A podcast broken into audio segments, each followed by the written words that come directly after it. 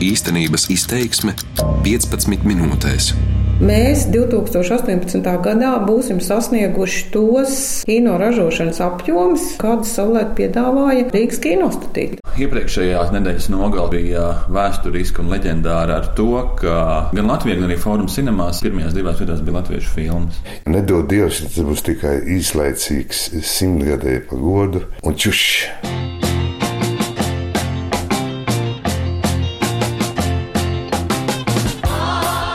Pirmo reizi kopš neatkarības atjaunošanas spēļu filmu ražošana Latvijā ir sasniegusi savulaik leģendārās Rīgas kinostudijas apjoms. Šogad uz ekrāniem nonāks vismaz astoņas spēļu filmas. Mans vārds ir Māra Rozenberga, un šodien redzījumā īstenības izteiksme vairāk par to, kā šis uzrāviens ietekmējis Latvijas filmu nozari un ko varam sagaidīt pēc 2018. gada, kad beigsies dāsnais Latvijas simtgades filmu programmas finansējums. 13. rinda, 20. vieta, jā? Jā. 6, 4, 5. Daudzzaļu kinoteātris Fórums Cinemās šā gada 2. februārī piedzīvoja vēl nebijušu situāciju. Divās pārpildītās lielākajās zālēs rādīja latviešu filmas. Namēk redzens uzstādīja rekordus jau trešo nedēļu, bet Kriminālās ekscelences fonds ar izpārdotu pirmizrādi vēl tikai sāka savu triumfa gājienu. Iepriekšējā nedēļas nogalē, kas bija februāra sākums, ja, bija vēsturiska un leģendāra ar to, ka nedēļas nogalē nu, tas saucamais weekend tops, ja, ko, ko kino industrija vienmēr ļoti aktīvi sako līdzi pirmdienā, kā tā gājas iepriekšējās brīvdienās. Ir. Tad tajā topā gan Latvijā, gan arī Fóruma cinemās attiecīgi pirmajās divās vietās bija latviešu filmas kas bija vienkārši fantastisks rezultāts. Jā. Pirmās nedēļas laikā Kriminālo ekscelenci noskatījās, ja nemaldos, apmēram 11,000 skatītāju, jā, un namējam bija 53,000. Šī balss pieder Fóruma cinemās vadītājam Normundam Labrencim. Abās filmās vairākus desmitus tūkstošu eiro investējis arī viņa vadītais uzņēmums. Labrenčs skaidrojums par pašmāju kino īpatsvaru straujo pieaugumu, par Holivudas masu izklaides kino templi dēvētajā formā, ir vienkāršs. Mēs esam vieta priekš masu izklaidē, priekš masu kino. Un, ja vietējā kino industrija nu, kaut kādu iemeslu dēļ nespēja radīt to produktu, nu, filmu, proti, ja, priekš, priekš lielām masām, tad attiecīgi tas nu, laiks tiek aizpildīts ar nu, pārsvarā Holivudas filmām, bet ne tikai. Ja. Savukārt, līdz ko parādās vietējais produkts, vienkāršs, attraktīvs, tiešām domāts plašai auditorijai. Ja tā pilnīgi dabīgi viņš uzreiz tā attiecīgā filma ieņem, ieņem ļoti nozīmīgu daļu tajā periodā. Ja? Tā kā ik pa laikam ir, ir bijuši tas pats Rudolf mantojums, bija sapņu komanda, mamma es tevi mīlu, un, un, un pēdējos gados jāsaka tā tendence lēnām soli pa solim tomēr uzlabojās. Vispār zini, no kur gals šauj pistola? Tu vispār zini, kas ir krimitis? Man vispār vajag vēl kādu stāstu. Pilnībā par privātu naudu uzņemtais Kriminālās ekscelences fonds ir svaigākais šāds piemērs, ko divās nedēļās noskatījušies no jau 20 tūkstoši cilvēku. Lielā popularitāte pārsteigusi arī pašus filmas veidotājus, neslēpja viens no komandas Sergejs Timoņins. Kamiņa mums mēs nu, nepaliksim parādā. Par to es esmu diezgan drošs. Ja mēs tur kaut ko baigi nopelnīsim, tas ir, to es nemācēju šobrīd dokumentēt, un es domāju, ka visticamākais mēs nekad publiski to arī nekomentēsim. Bet tā tendence ir negaidīti pozitīva to, ka cilvēkiem tik ļoti patīk, un viņi tik ļoti galās ar to un tik ļoti komentē. Interesanti, ka šāda aizrautība ar pašmāju kino nav nekāds jaunums tepat kaimiņos Lietuvā, kur tas pērn pārsniedza piekto daļu no visa kino tirgus. Latvijā tie ir nepilni 8%. Tas lielā mērā saistīts ar plašām masām veidotu izklaidējošu kino bez augstas mākslinieckās vērtības. Nišu, kurā lietuvieši veiksmīgi rosās jau gadiem, kamēr pie mums tās spēr tikai pirmos soļus stāsta Nacionālā kinocentra vadītāja Dita Rietuma. Lietuva, kas gan ir lielāka no valsts un lielāks tirgus, Lietuvā ir iespējams, teiksim, nacionālajiem produktam savākt vairāk nekā miljonus eiro. Piemēram, 2017. gadā divas komerciālas filmas, kas ir tapušas bez valsts atbalsta, Lietuvā ir savākušas vairāk nekā miljonus eiro. Tātad vairāk nekā 200 tūkstoši skatītāji, attiecīgi vairāk nekā miljonus eiro. Nu, mums līdz tādai tādiem rādītājiem ir ļoti tālu. Arī tāpēc, ka mūs vienkārši ir mazāk, mums ir mazāk kinoteātri un arī faktiski šis ir pirmais gads, kad kino veidošana ir ievilkusi tādu pilnāku elpu. Rietums stāsta, ka pašmāju filmu apmeklētību veicinājis arī tas, ka pēdējos pāris gadus Nacionālais kinocentrs dod naudu arī filmu mārketingam. Šogad pirmizrādes gaidāmas piecām simtgades programmas spēļu filmām un vairākām, kas tapušas ārpus tās. Mēs 2018. gadā būsim sasnieguši tos kino ražošanas apjomus, ja mums jārunā par spēļu filmu pirmizrādēm, kādas savulaik piedāvāja Rīgas kinostudija. Tas mītiskais laiks, ko daudzi vēl atcerās ar stabilu kino ražošanu, stabilu finansējumu. Būtībā Rīgas kinostudija ražoja apmēram 7-8 spēļu filmas ik gadu. Un jā, šogad Latvijā būs vismaz septiņas spēļu filmu pirmizrādes. Par to, protams, lielā mērā ir jāpateicas simtgades filmu programmas finansējumam, kas kinocentra budžetu pieaudzēja no 3,5 miljoniem eiro 2014. gadā līdz teju 10 miljoniem pērn. Tomēr skaidrs, ka šīs dzīves ir īslaicīgas, un nākamajos gados kino studijas apjoms vairs nevarēs noturēt. Tāpēc, ka finansējums ir mazāks, krietni mazāks, protams, tas ir izskaidrojums ar simtgadus filmu programmas izskaņu. Šī izskaņa, paldies Dievam, nenotiek asti kā ar nāzi. Šogad mums vēl ir iespēja izsludināt konkursu bērnu un ģimenes filmu veidošanai. Pats konkurss būs rudenī. Un mēs orientējamies, ka varēs palaist ražošanā divas, trīs filmetrāžas filmas bērniem un visai ģimenei.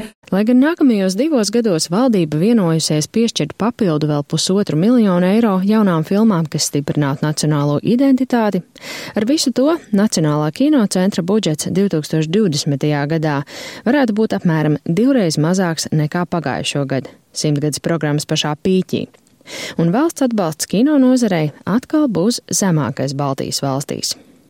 Nedod Dievs, ja tas būs tikai īslaicīgs simtgadēju pagodu, būs ielikt, ielikt naudiņas. Jā. Nu, redz, mēs uztaisījām tik un tik filmas, tik un tik noskatījāties, tik un tik naudiņas ievācām, un čuši!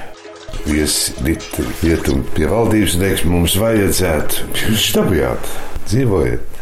Tas ir kino režisors Vāris Brāsla, kura filma Vectēvs, kas bīstamāks par datoru, pērn ar 76 tūkstošiem skatījumu kļuva par otro kinoteātros visvairāk apmeklēto filmu Latvijā.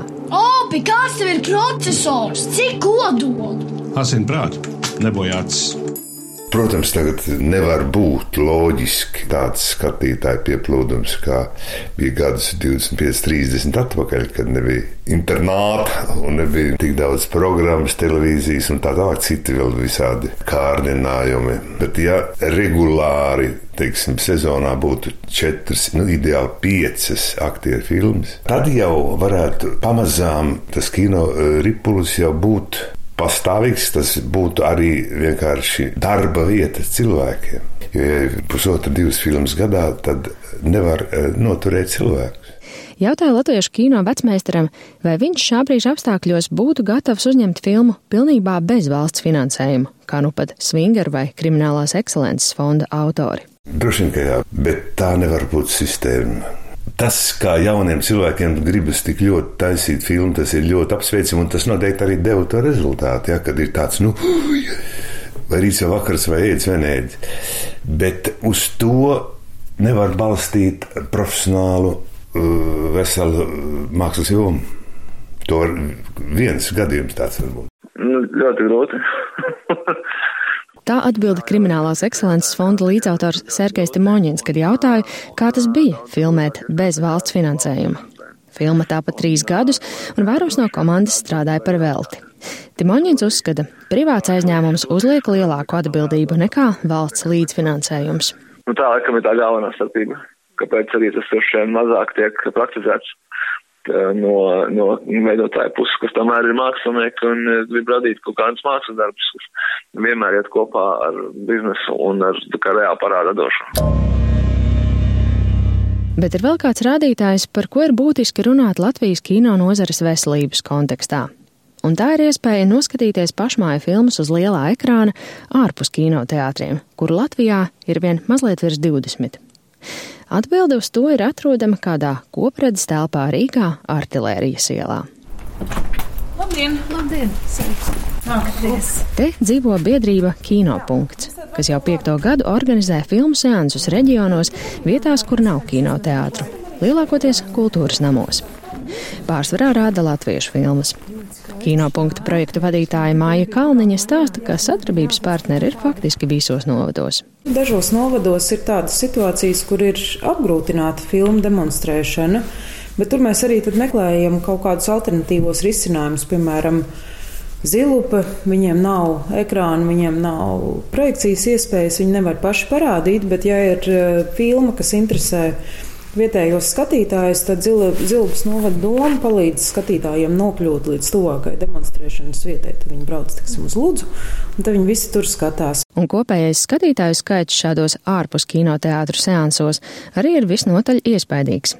Aizpērn 45 tūkstoši, pērn jau teju 100 tūkstoši.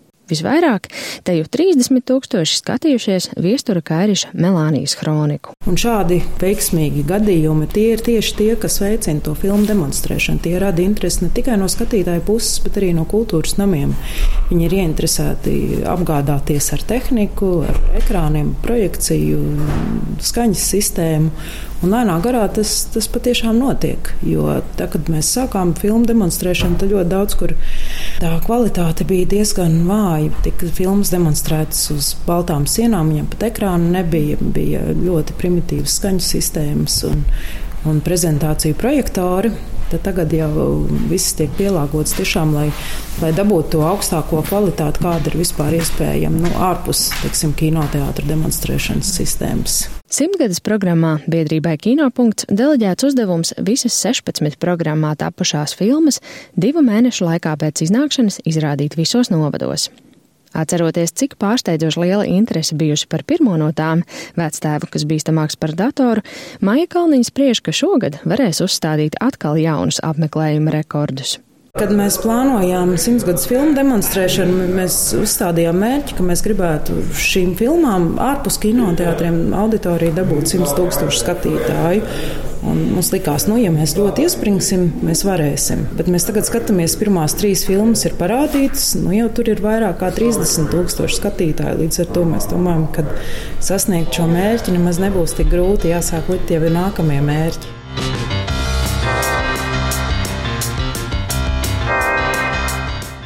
Viena no kino veselības pazīmēm ir žanru daudzveidība. Un tiem, kam patīk vīpsnāt, ka latvieši māk taisīt tikai drūmu un elitāru festivālu kino, līdz ar simtgadus programmas uzrāvienu nāksies savus ieskats pārvērtēt. Par kino veselības uzlabošanos liecina arī filmu veidotāju un investoru, piemēram, redzījuma sākumā jau pieminētā fóruma cinemās, pagaidām vēl retā, bet tomēr gatavība ieguldīt filmās arī bez valsts līdzfinansējuma. Tur taciņu jau ieminuši Andreja Ēķa Svingeri un Oskara Rupenheita kriminālās ekscelences fonds, bet vasarā nāks klajā vēl viena ēķa komēdija Blēži.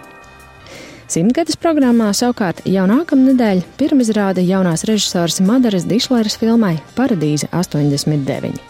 Tādēļ noslēgumā viņas ceļavārdi skatītājiem šis blīvums tiešām šobrīd, kā viena latviešu filma nomaina nākamo, ir tāds, kā nekad nav bijis. Tas, protams, rada bāžas, vai skatītājs tiešām paspēs un vēlēsies, un finansiāli būs viņam šīs iespējas visas filmas noskatīties.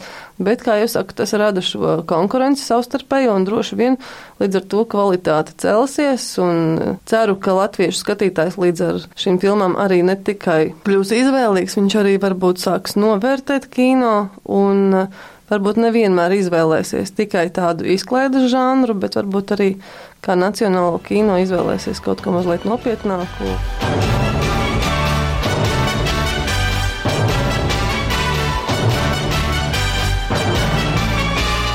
Raidījuma īstenības izteiksme šodien veidoja Māra Rozenberga, par skaņu gādāja Ulris Grīnbergs. Darbības vārds īstenības izteiksmē izsaka darbību kā realitāti tagadnē, pagātnē vai nākotnē, vai arī to noliedz.